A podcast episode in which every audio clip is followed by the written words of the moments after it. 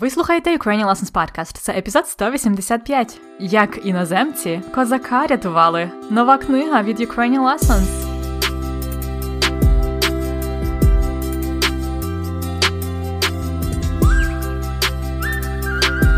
Привіт! З вами Анна і новий епізод подкасту Уроки української. Сьогодні, нарешті, я хочу поділитися з вами великою новиною. Ми випустили нову книжку від Ukrainian Lessons.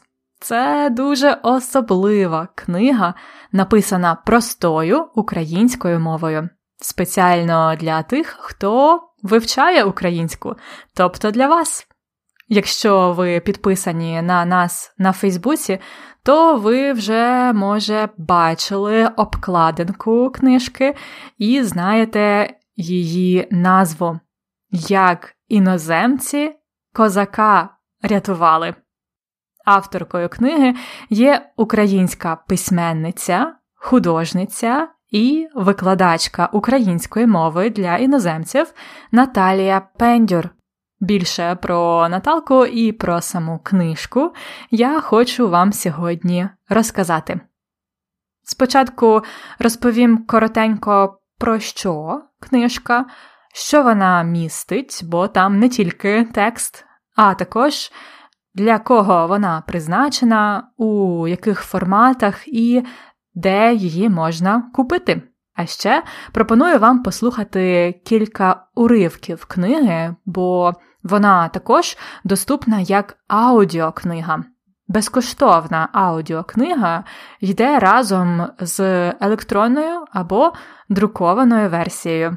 До речі, аудіо читає також Наталка, авторка книги, і це дуже і дуже класно. Тоді, можливо, Почнімо з невеличкого уривка. Послухайте початок першого розділу першої частини книги. Готові? Частина перша. Вишеньки нон-стоп.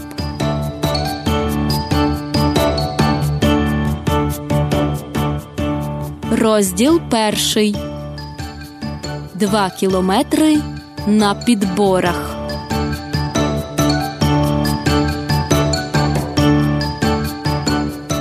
Беатріс стояла на дорозі. Автобус щойно поїхав і вже майже зник з очей. Ліворуч було поле, праворуч лише трава та квіти. Там паслася біла коза. І куди йти? спитала Беатріс. Ме, відповіла коза. Ну, ти точно не говориш іспанською. А українську розумієш, куди йти? Мовчиш? Ну, нічого. Беатріс. Візьми себе в руки. Читати вмієш? Вмієш. Вона прочитала напис на знаку. Село Вишеньки два кілометри. Отже, тут ви можете познайомитись з однією з головних героїв історії. Її звати Беатріс, і вона приїхала до України в село Вишеньки з Іспанії. Крім того, у це село також приїжджає американець Брайан. Вони з Беатріс отримали спеціальну стипендію, щоб е, досліджувати українські ґрунти, тобто сільськогосподарські землі, soils, ґрунти. Вони студенти, науковці, молоді дослідники. Ну і далі починаються їхні пригоди. Ви послухали початок першої частини книжки, у ній переважно йдеться про життя Беатріс і Брайана в селі. Там вони живуть в родині з бабусею Галею і дідом Петром. У них також є онук Мирослав. Він стає також одним з головних героїв у цій пригоді. Всього у книзі три частини. Перша частина переважно про життя в селі, а наступні дві мають трошки фантастичний характер. У другій частині з'являється певна магія, а в третій частині наші герої дуже багато подорожують. Послухайте зараз уривок е, третього розділу про те, як е, наші герої хотіли дістатися з міста Суботів у місто Чигирин. Слухайте. Друзі вистрибнули з автобуса. Може, запитати, чи не їде хтось до Чигирина на машині? запропонував малий. Ходімо он туди. Здається, то центр села.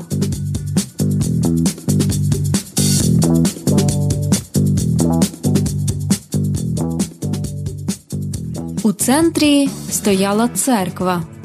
Вона була досить незвична. Десь я таку вже бачив, сказав Брайан. От тільки де? Я теж, погодилася Беатріс. Ось тут, сказав Мирось і дістав з гаманця п'ять гривень. Там був малюнок саме цієї церкви. Подобається? спитав раптом молодий чоловік з батоном у руці. Це козацьке бароко, особливий стиль, сказав він і відкусив трохи батона. А ви не підкажете, як ми можемо доїхати до Чигирина? Може, хтось підвезе нас на машині? Не думаю, меланхолійно відповів хлопець. Як вам читання Наталки? Насправді нам дуже пощастило, що ми знайшли Наталку для цього проєкту, бо вона і письменниця, і художниця, і журналістка. Вона має великий досвід роботи на радіо. Саме тому вона змогла записати для нас аудіокнигу просто в прекрасній якості, з інтонацією і певними спецефектами. Хочу вам трошки більше розказати про Наталку, але наступного разу вона також завітає на подкаст е, на невеличке інтерв'ю. Тому не пропустіть наступний епізод. Наталія Пендюр народилася в Києві, але багато часу провела в селі і в подорожах Україною. Тому в книжці вона багато писала на основі особистого досвіду. Наталія навчалась е, в інституті журналістики університету Тараса Шевченка, а потім в університеті імені Томаша Масарика в Чехії. Зараз вона і досі мешкає в Чехії, там вона викладає українську мову, перекладає в міграційному центрі, пише, малює. Так, про малюнки треба окремо згадати, тому що книжка в нас не проста, не нудна, а ілюстрована. Наталка дуже творчо підійшла до справи і намалювала цілу купу веселих ілюстрацій. Вони часто мають різні написи, слова, невеличкі пояснення для тих, хто вивчає українську мову. Якщо ви ще не бачили приклади сторінок книги, обов'язково подивіться на сайті. Це ukrainianlessons.com риска Козак English spelling ukrainianlessons.com slash козак. Також малюнок козака на обкладинці книги це теж робота Наталі. Що ще цікавого має книга для вас? Ну, звичайно, це вправи, які також написала Наталка. Насправді, так сталося, що Наталка підготувала для вас дуже багато вправ, але вони всі, на жаль, не вмістилися в книжку, і нам довелося вибирати. Виходить, е, що книжка містить 96 розділів, таких коротеньких розділів. І після кожного розділу є невеличка вправа. Це дуже різні вправи і на граматику, і на слова, і на розуміння тексту. Така собі всяка всячина, маленьке тренування. Крім того, після кожного розділу є досить довгий список слів, які можуть бути проблемними. Слова з перекладом англійською мовою. Отже, так, книга містить купу всього корисного спеціально для тих, хто вивчає українську мову. Але ця книга не для початкового, а для середнього і високого рівня. Тобто вона не дуже проста. Вона чудово підійде для вас, якщо ви можете більш-менш розуміти, що я кажу в п'ятому сезоні подкасту. Також книжечка вийшла досить велика, у друкованій версії трошки більше, ніж 300 сторінок. Тобто вона призначена для того, щоб е, ви могли читати її довго, працювати з нею, слухати аудіо, робити вправи, вивчати слова. Як на мене, це ідеальний варіант на літо. Можна повільно читати цю книгу приблизно три місяці, один розділ на день. Або можете взяти її з собою у відпустку чи на пляж. Це така дуже весела, легка історія. До речі, про літо. Послухайте зараз ще один уривочок про червень в Україні. Розділ 13. Чи є в селі сієста?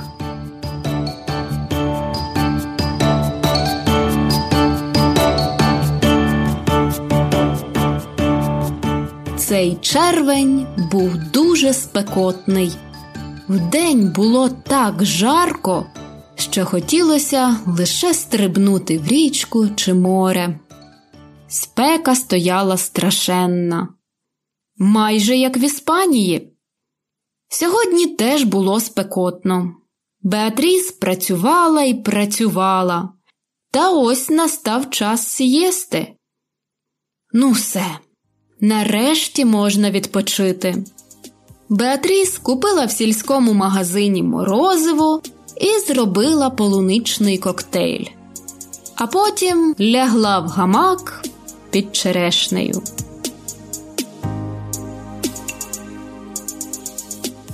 Перед нею був чудовий український краєвид, чорноземи, зелені садки, квіти, пахло солодким повітрям червня.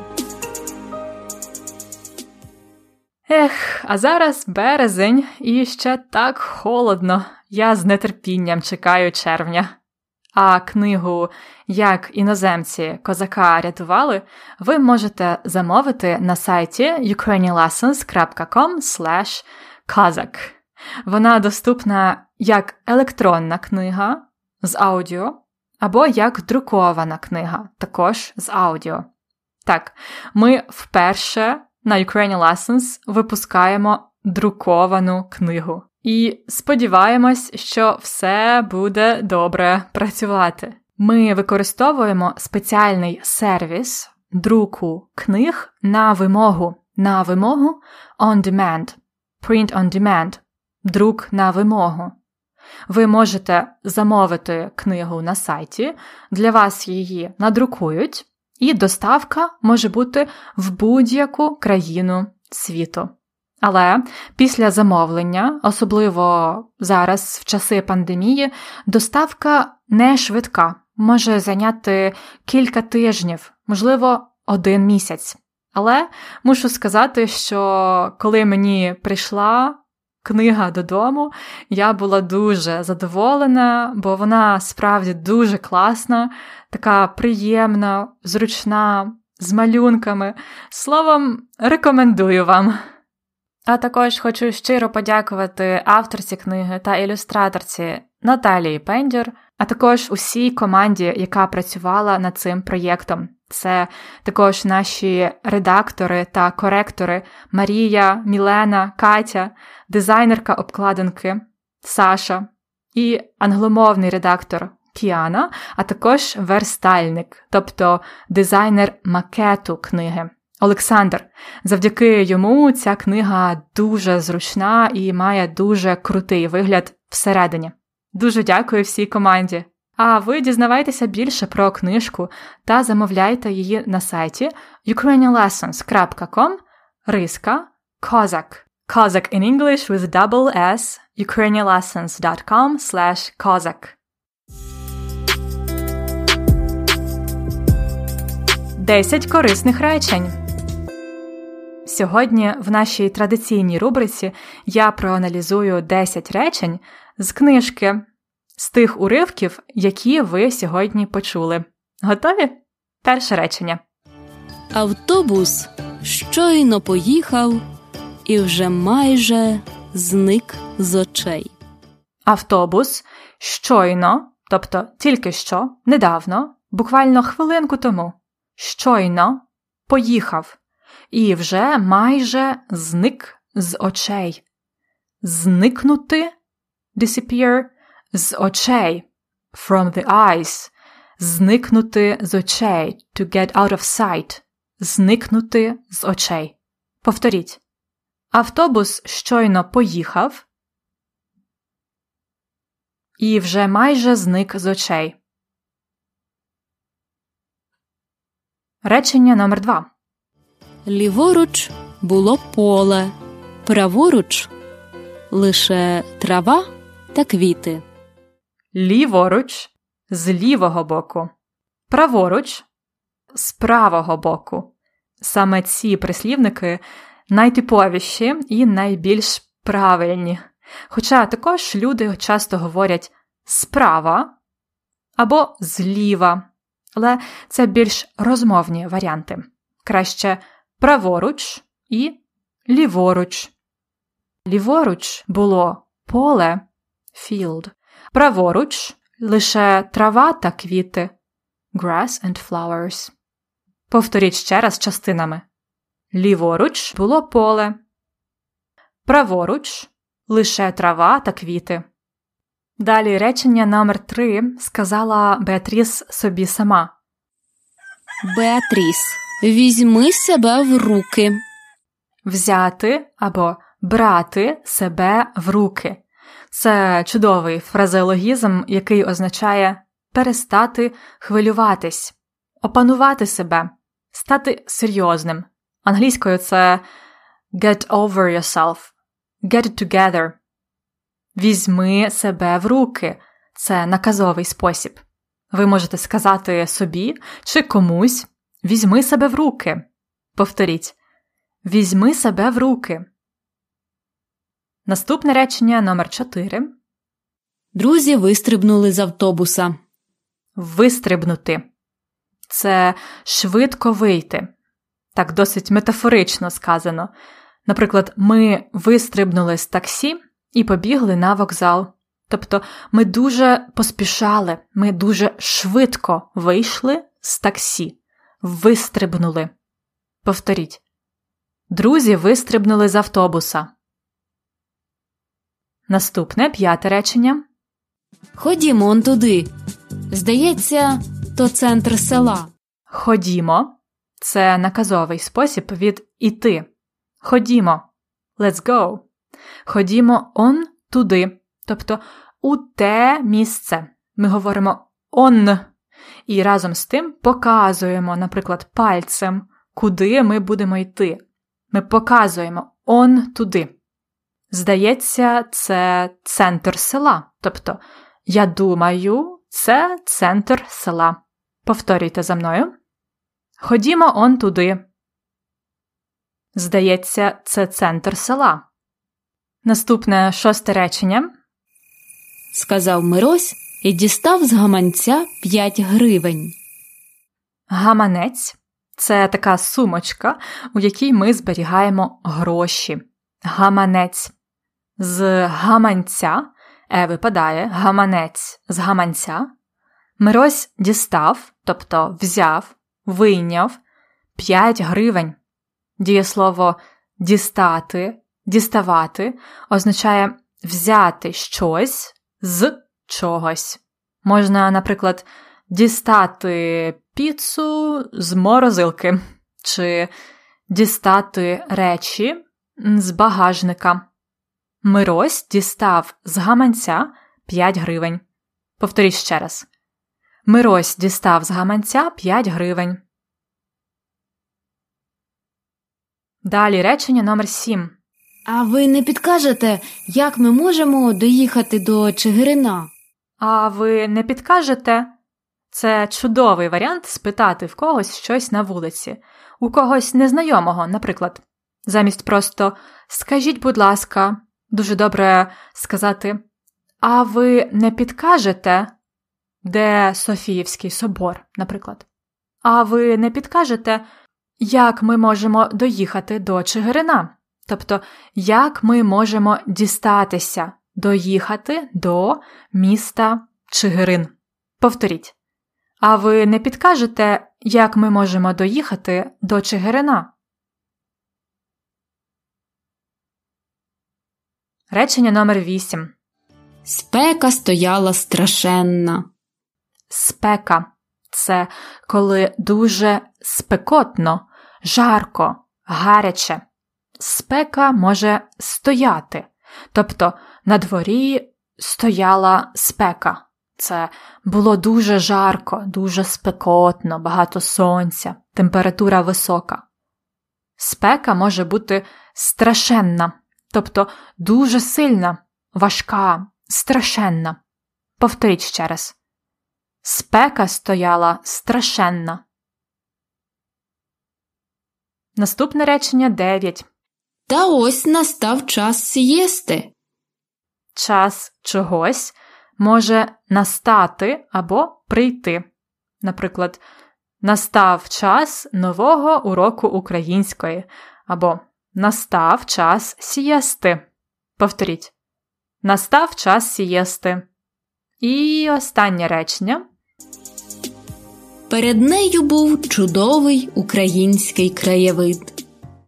Краєвид або пейзаж це те, що ми бачимо навколо нас.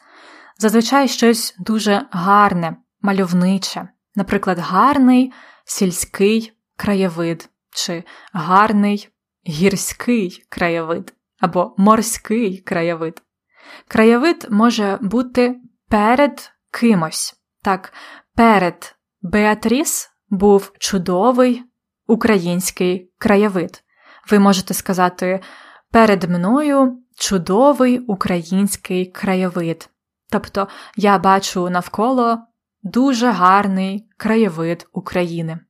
Повторіть це речення. Перед нею був чудовий український краєвид.